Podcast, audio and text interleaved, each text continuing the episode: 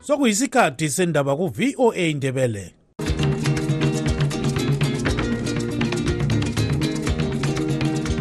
amatshono zihlobo siyalamukela kuhlelo lwethu lwezindaba eziphathelane lezimbabwe.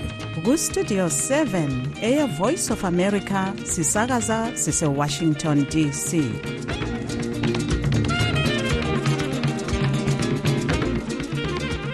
lami ngithathe leli thuba ngibonga ujonga kantemiri obisipha indaba ngolimi lwesishona. Lingalitshona njani izulukandaba olamukela ngenjabulo enkulu emsakazweni westudio 7 ngomgqibelo mhla ziku-3 february 2024 nguchris gande. Endabeni zethu lamhlanje. Hayi by-election vele ngihlala yenza kuba labantu abalutshwane kuba le-apart abantu kabavoti abantu bavota nxa um bebona ukuthi kule-chance um yokuthi kungatshintsha phezulu kumongameli.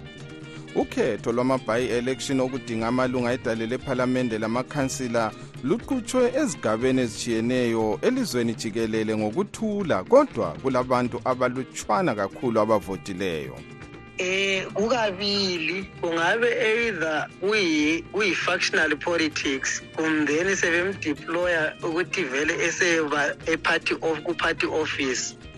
Obe ngumphathintambo obona ngezamawovethi umnumzana chris muthwangwa ususwa esihlalweni osekudala imibuzo eminingi ngoba uhulumende engacaci ukuthi ususelweni.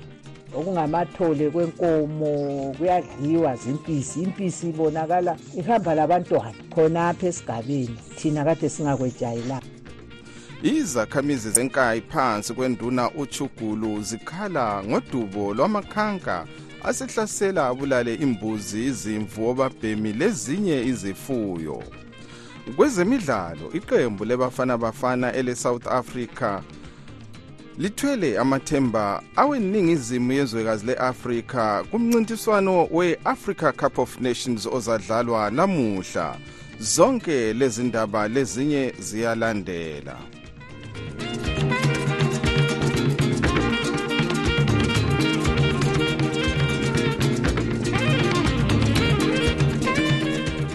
ikhomishini ebona ngezokhetho yezimbabwe electoral commission ithi ukhetho lwama-by-elections olokukhetha amalunga edale lephalamende amathathu lamakhansila angamachumi amabili lambili elizweni jikelele luqutshwe ngokuthula kulenani eliphansi kakhulu labantu abaphume ukuyavota ibandla lezanu-p f lidinga ilunga ledale lephalamende elilodwa nje kuphela ukuthi lenelise inani lamalunga angaguqula isekelo sombuso i-two-thirds majority. U-anastasia ndlovu usethulela lolu daba ngokugcweleyo ekobulawayo. Ukhetho lolu lwenziwa ngemva kokuxotshwa ezikhundleni kwamalunga ebandla le-ccc ngozithi ngunobhala jikelele webandla le-ccc umnumzana sengezo chabangu okutsho ukuthi abamela leli bandla ngabakhethwa nguchabangu lexuku lakhe. Ukhetho lolu luqhutshwa ephelandaba chabalala eseke echegutu egoromonzi south lakozwimba izek iqale ukhetho ngesikhathi kobulawayo esihleliweyo. Oncintisa emele ibandla lezanu PF kobulawayo esigabeni sephelandaba chabalala lapho okwasuswa khona umnumzana Gift Ostalo Siziba umnumzana Joseph Chuma utshele istudio 7 ukuthi balethemba lokuthi bazanqoba lamhlanje ngoba ibandla eliphikisayo lingahlelekanga. Angiboni ukubana singanqotshwa kukhetho lolu olukhona kuwo wonke nje amasithi esilawo um ilizwe lonke elezimbabwe. Ngibona nganta um izanu p f izaphuma inqobile kuwo wonke. Oncintisa emele ibandla le-ccc ephelandaba chabalala unkosikazi moblessing tembo ukhala ngenani eliphansi labantu abaphuma besiyavota. Isakhamuzi sesigaba sephelandaba chabalala umnumzana njabulo nyathi uthi uvotile. Sivote ngokuthula azange abona ukudlwangudlwangu azange abona ukwethuselwa isikhulumeli secele le-ccc elabo mnumzana chabangu. Umnumzana alfred ziruthwe uthi bakhangelele ukubhuqa ibandla elibusayo loba nje inani labantu abaphume ukuyavota liphansi. Okade kukhona namuhla ekhethweni abantu abahambanga ngobuningi babo. Kodwa okukhona yikuthi um lathi sizamile njengalokhu okade kukhona kuground ukwenza khona lokhu okukhona. Isikhulumeli sebandla lezanu p f umnumzana farai marabira uthi labo bazanqoba badlulise inani le-two thirds majority edale lephalamende bazibusele kuhle bengethuki ibandla eliphikisayo. Yes we are very confident and uh, we know that uh, the people of zimbabwe are going to uh, vote and endorse the party which has been delivering tangible results to them. Umsekeli kameya wedolobho lakobulawayo ukhansila edwin ndlovu uthi kuvamile ukuba ibandla elibusayo linqobe ku-by-election ezimbabwe ngezizatho ezithile. Hayi by-election vele ngihlala yenza um kuba labantu abalutshwane kuba le-apart abantu kabavoti. Abantu bavota nxa um bebona ukuthi kule-chance um yokuthi kungatshintsha phezulu kumongameli. Ukhetho lolu luqale ekuseni ngehola lesikhombisa njalo lwagqitshwa ngehola lesikhombisa ntambama. Impumela ikhangelelwe ukwaziswa kusasa. Ngimele umsakazo westudio 7 kobulawayo ngingu-anastasia ndlovu. The voice of America,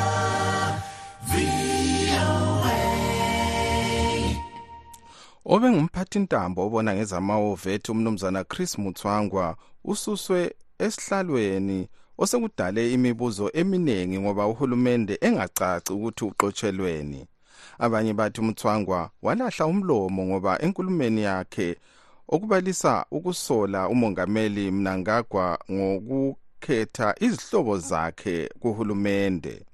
Abanye ngabathi umthwangwa engaba esezaphiwa esinye isikhundla ngoba elokhu elesikhundla sokuba isikhulumeli sebandla lezanu PF ukuhlaziya lolu daba sixoxe lo hlaziya ezombusazwe umnumzana Mbuso Fuzwayo.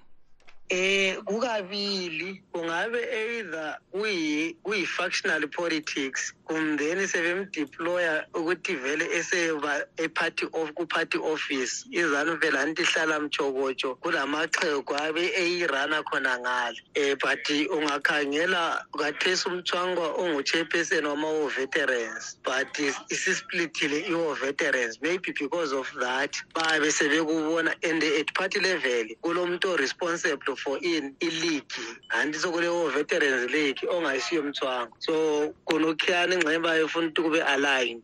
Enye futhi bekuyi-reputation ngoba for all along vele iwo veterans anti befola under ministry of defence Eh kodwa abanye bathi okungani kuyasolisa ukuthi uvuke exotshwa ngomgqibelo. Kungani nxa kuyikuthi into bihleliwe ingabanga phakathi kweviki umbuso kalubaba uhlukene kulalwana wayizolo ubaba lwana wayizolo eh a- uma uyomnanzelele uyanikwa ithuba lokuthi afake ama-minister afake izinto ezi-unconstitutional eh so ukuthi vele usebenza njani ngabe engxenye sesimuzela ekhuluma nge-strategic ambiguity ngoba ukusebenza kwakhe yena vele laye kuhleze kule nkungu anti uxotshe omunye namhlanje kuyimpela sonto waqhatsha abanye futhi. So yindlela asebenza ngayo ukuthi uyabe ungakwazi lokuthi njengelizwe kumi njani kusukwa ngaphi kuyiwa ngaphi akuplaneki nje into zakhe zonke isavuka mpuzana ye sikhuluma ngabona labo abaqatshiweyo. Ubone njani ubabona njani bona labo abasekeli babaphathi ntambo abakhethiweyo? Eh engingathi hayi eh ngiyamazi eh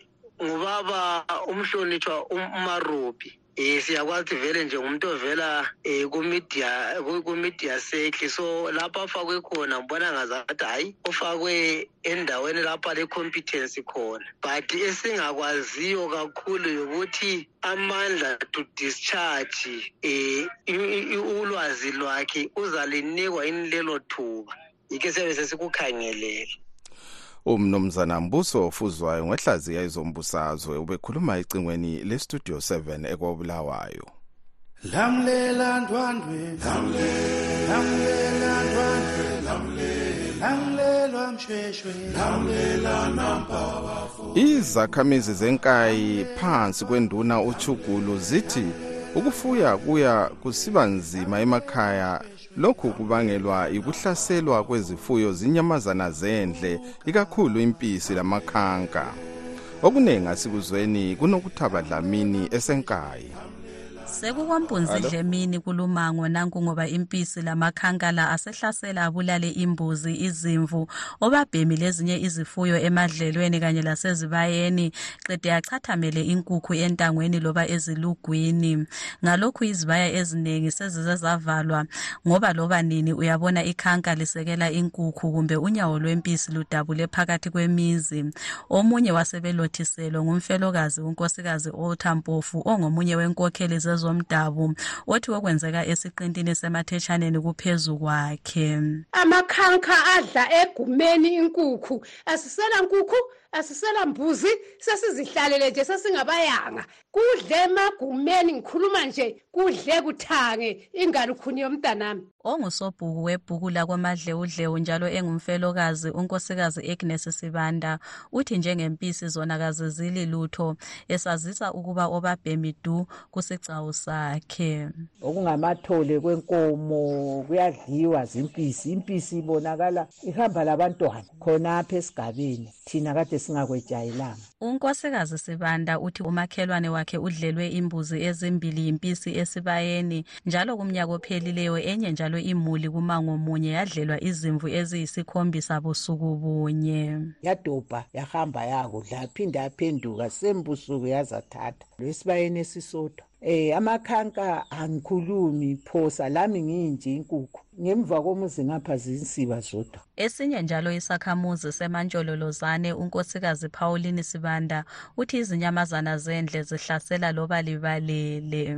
Ha uhlupho lwamakhanka lempisi kuya phambili. Njengamakhanka wona sezekhale ekuseni langama-six ayakhala. Kuyisiloyiso sikamampofu ukuba abelusi benyamazana zendle lezi bayasondela eduze bebaxhase ngoba kungenyanga ngaki izakhamizi lezi zathi thibala njalo zibona indlovu eyayidabula phakathi kwemizi kulandela ukuduha kwayo. Imbuzi sekusele ngambuzi ithula zasizazi ukuthi zisele ngoba lokhu kusidla kusiya phambili. Singabonga kakhulu nxa singazuza inhlakanipho yokuthi kuvikelwa njani. Umsakazo westudio 7 uxhumane labohlangothi lukahulumende olwezimbabwe parks and wildlife management authority zimparks abathi lumbiko wenkayi mutsha endlebeni zabo isikhulumeni sabo umnumzana tinashe farawe ethembisa ukuthatha inyathelo I think we also need to look at uh, the Nkai Road District Council as an appropriate authority. lokhu asikakubikelwa ngabenkayi rural district council njalo sikhuthazele izakhamizi ukuba zibike inhlupho lezi kibo ngoba sikhuluma kunje akula loyedwa oyake asukume ayibika lokhu. Thina sisukumela phezulu kulokhu ngoba siyazi ukuthi izifuyo libhanga labantu ngakho kufuze bevikelwe ufarawo ukhuthaze njalo amakhansila kanye labakhokheli bomdabu ukuba balobe phansi zonke lezi nhlupho qede bezise ekhansilini ukuze bephathiswe. Abezimparks bathi ukufuthelana lokhu phakathi kwenyamazana zendle labantu kubangelwa yikuguquka komkhathi osekudale isimo sokungani kuhle kwezulu lendlala enkulu emadlelweni kanye lokufa kwezinye ngesizatho sinye okuyikho okwenza ezinye inyamazana zendle ezifana labompisi lamakhanka zihlahle amehlo ezifuyweni njengalokhu osokusenzeka enkayi. Ngimele umsakazo westudio 7 ngisenkayi ngingunokuthaba dlamini. Lamlela ndwandwe lamlela ndwandwe lamlela mshwe sengidedela emuva ngilichiya ezandleni zikasithandekile mhlanga.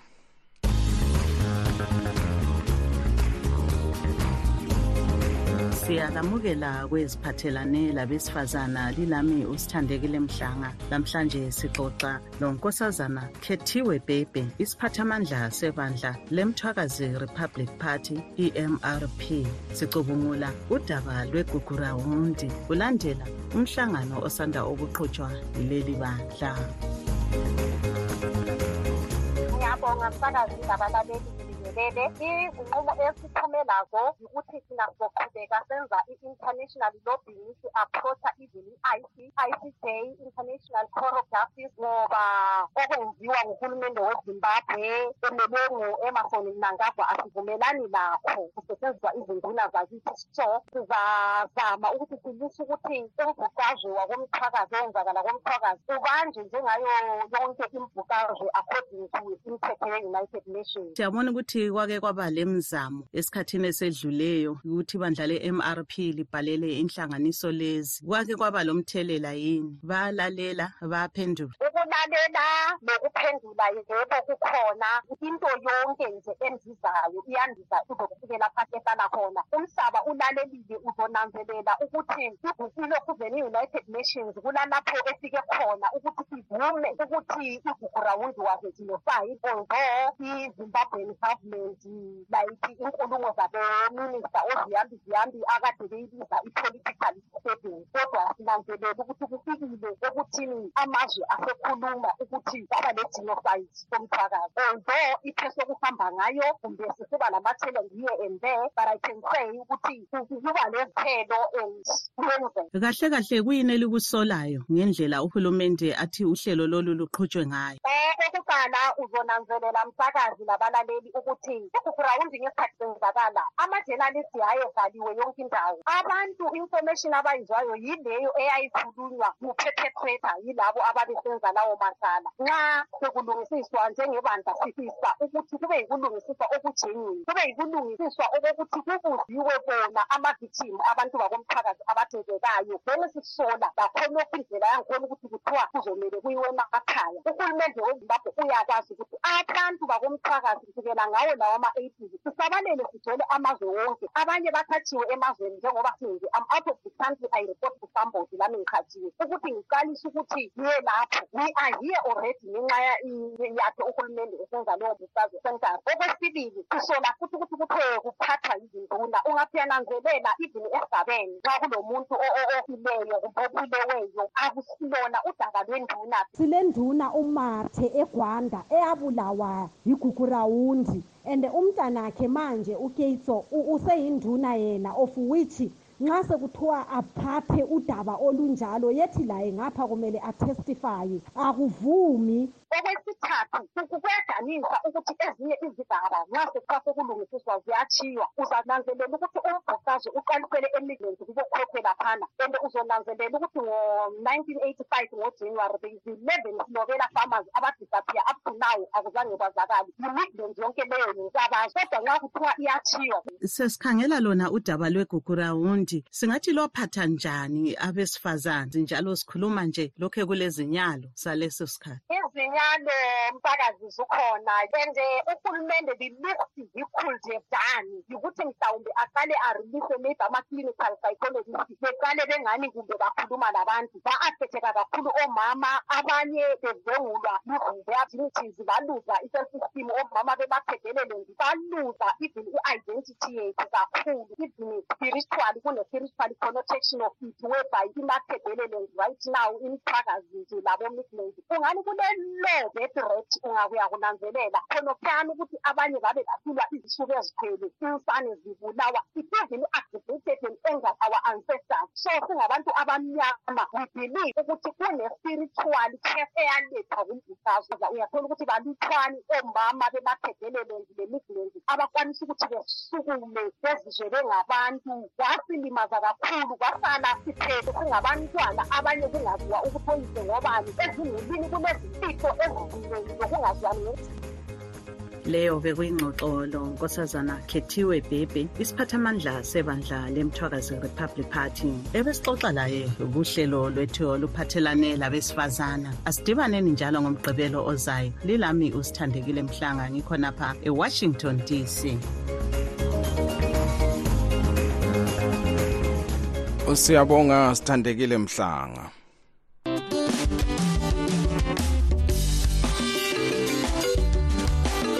Namhlanje kuhlelo lwethu sixoxa lomfundisi busani sibanda sihlaziya ezombusazwe.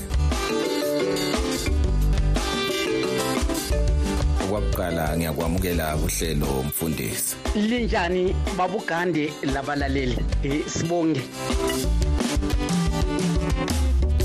ngeliphi ibandla olibona linganqoba leli ZANU-PF eh ngiyawuza umbuzo.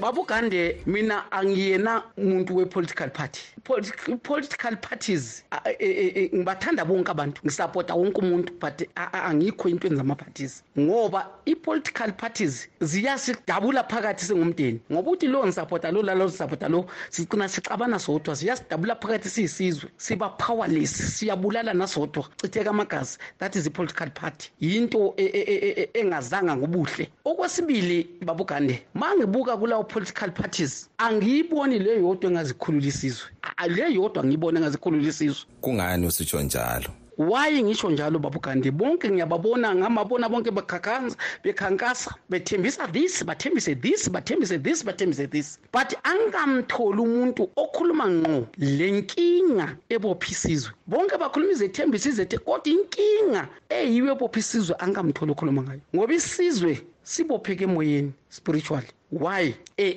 kwaba le le mpi silwela isizwe ilizwe lakithi. Kwachitheka igazi. Sibuye empini sa- sagezwa na isizwe? Ukuthi silichithile igazi siyolwela isizwe. Sagezwa na isizwe? One. Two kwaba le gogurawundi after ukuhl- uku- i-uni- i- i-unity sesihlangene sabuyela sageza na? Igazi elichithekile na esizweni? Njengoba kubhizi abantu kucibe igazi liyachitheka ingozi that this and that abantu bayabulala.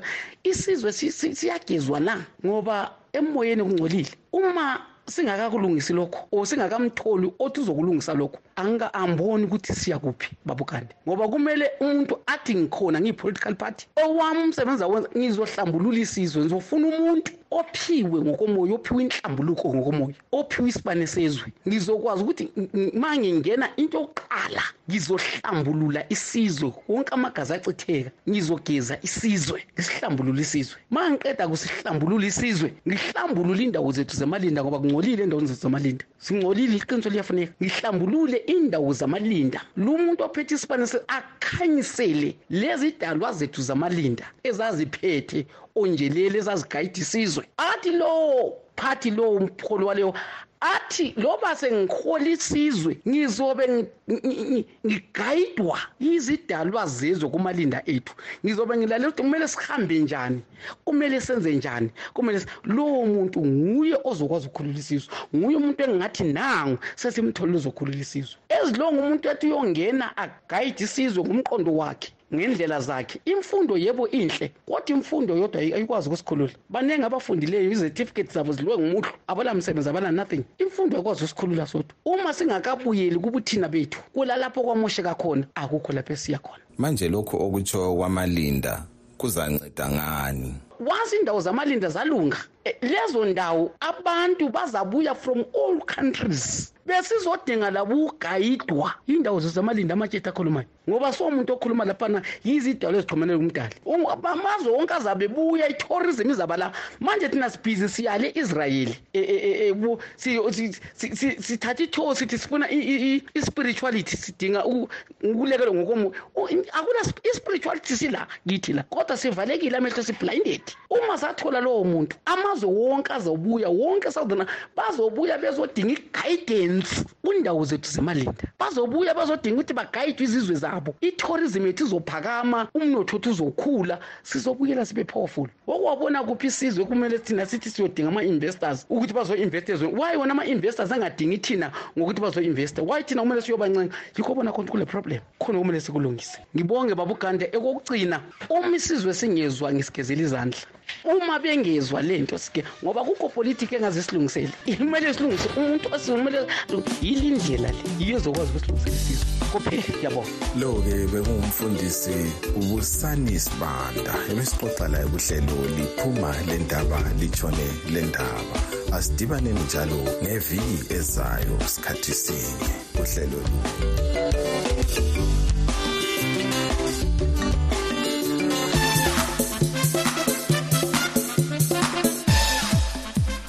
kwezemidlalo iqembu lebafana bafana elelizwe le-south africa lithwele amathemba aweningizimu yezwekazi lase-afrika kumncintiswano we-africa cup of nations.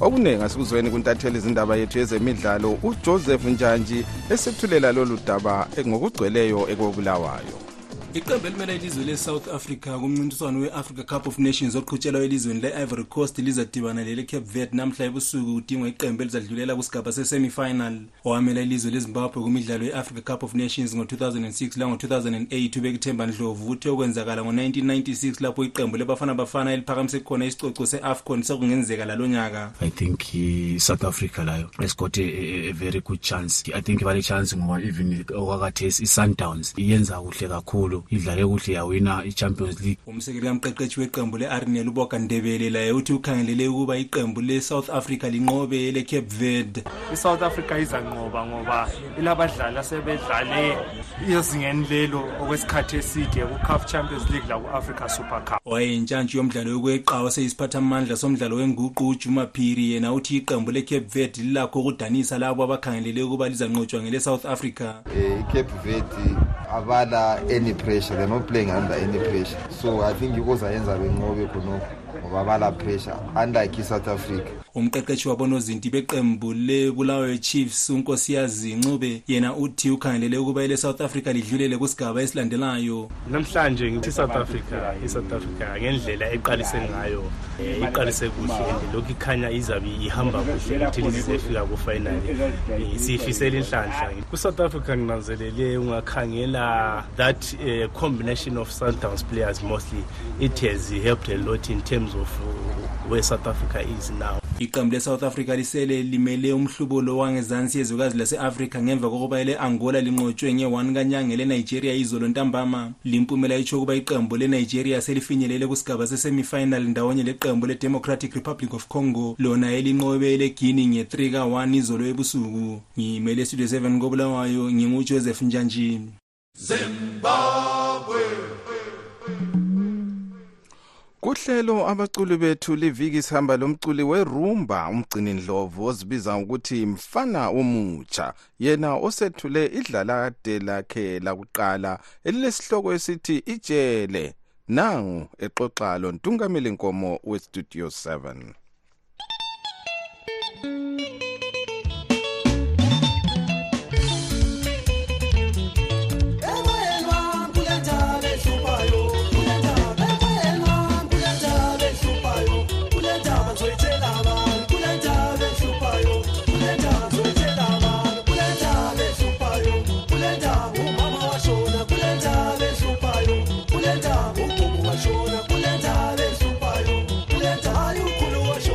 ngizalwa echolotho esigabeni kuthiwa kusegariya umculo utholakala kunamba zami nama-cd ngiyathengisa zonke indawo lapho engisebenzela khona egoli um yonke indawo abasemazweni. Ngiyabathumela ngefoni um ezindawo ezitshiyeneyo. Abalandeli ngibafisela ukuthi benginike amandla ngisebenzisane labo ngiqhubekele phambili ngalela ithalente lami engilaliphiwa yinkosi um bexhase labo.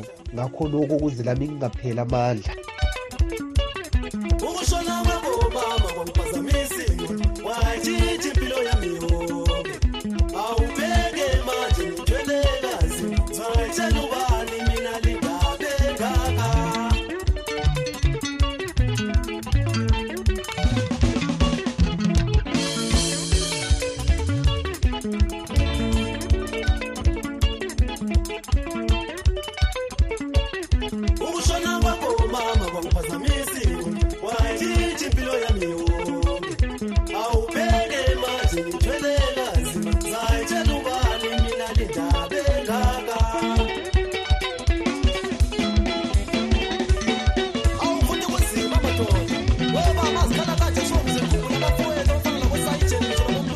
abangathanda ukuxhumana lawe bakuthola njani? Uma ungabe ufuna mina uyangithola enambeni yami um whatsapp um facebook tiktok. Ngiyatholakala. Inamba ithi 065 24 64 022 ubachiyela wapha amazwi abalandeli. Isifiso sami ukuthi bebe yibo abangisekelayo kakhulu ukwenzela ukuthi ngiye phambili ngesifiso sami engilaso la ngephupho lami lifezeke um ngingapheli amandla. Ngoba abalandeli babe ngiduduza ukuthi hhayi qhubeka usiya phambili benginika khona okokhona um ngiba namandla kakhulu ngokuthi lami ngisebenzisane labo.